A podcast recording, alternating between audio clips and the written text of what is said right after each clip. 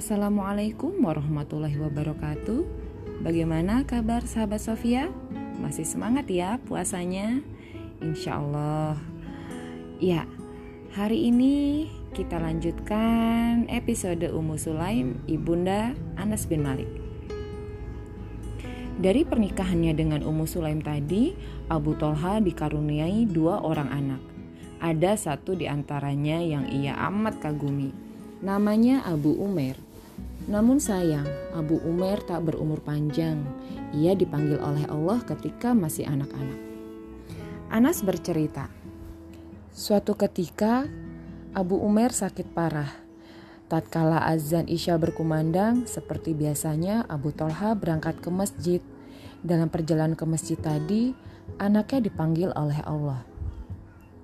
Dengan cepat Ummu Sulaim mendandani jenazah anaknya kemudian membaringkannya di tempat tidur. Ia berpesan kepada Anas agar tidak memberitahu Abu Tolha tentang kematian anaknya.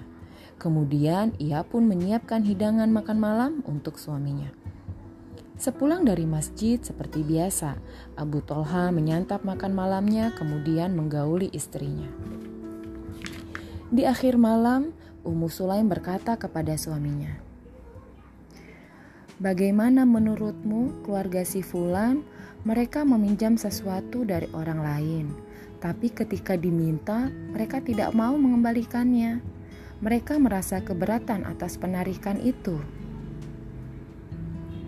Mereka telah berlaku tidak adil, kata Abu Tolha. Ketahuilah, sesungguhnya putramu adalah pinjaman dari Allah dan kini Allah telah mengambilnya kembali. Kata Ummu Sulaim selirih. Inna lillahi wa inna ilahi roji'un. Segala puji bagimu ya Allah. Ucap Abu Tolha dengan pasrah.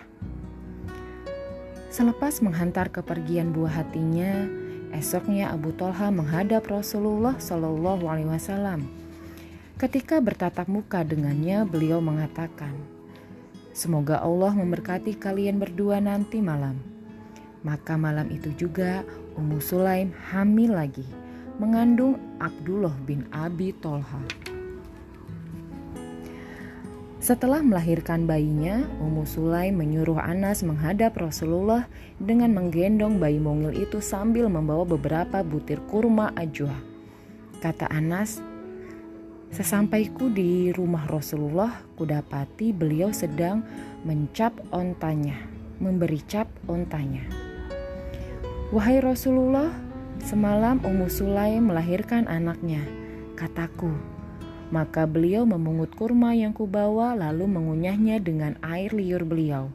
Kemudian, melo kemudian meloloskannya kepada si bayi. Bayi mungil itu pun mengulum kurma dengan ujung lidahnya.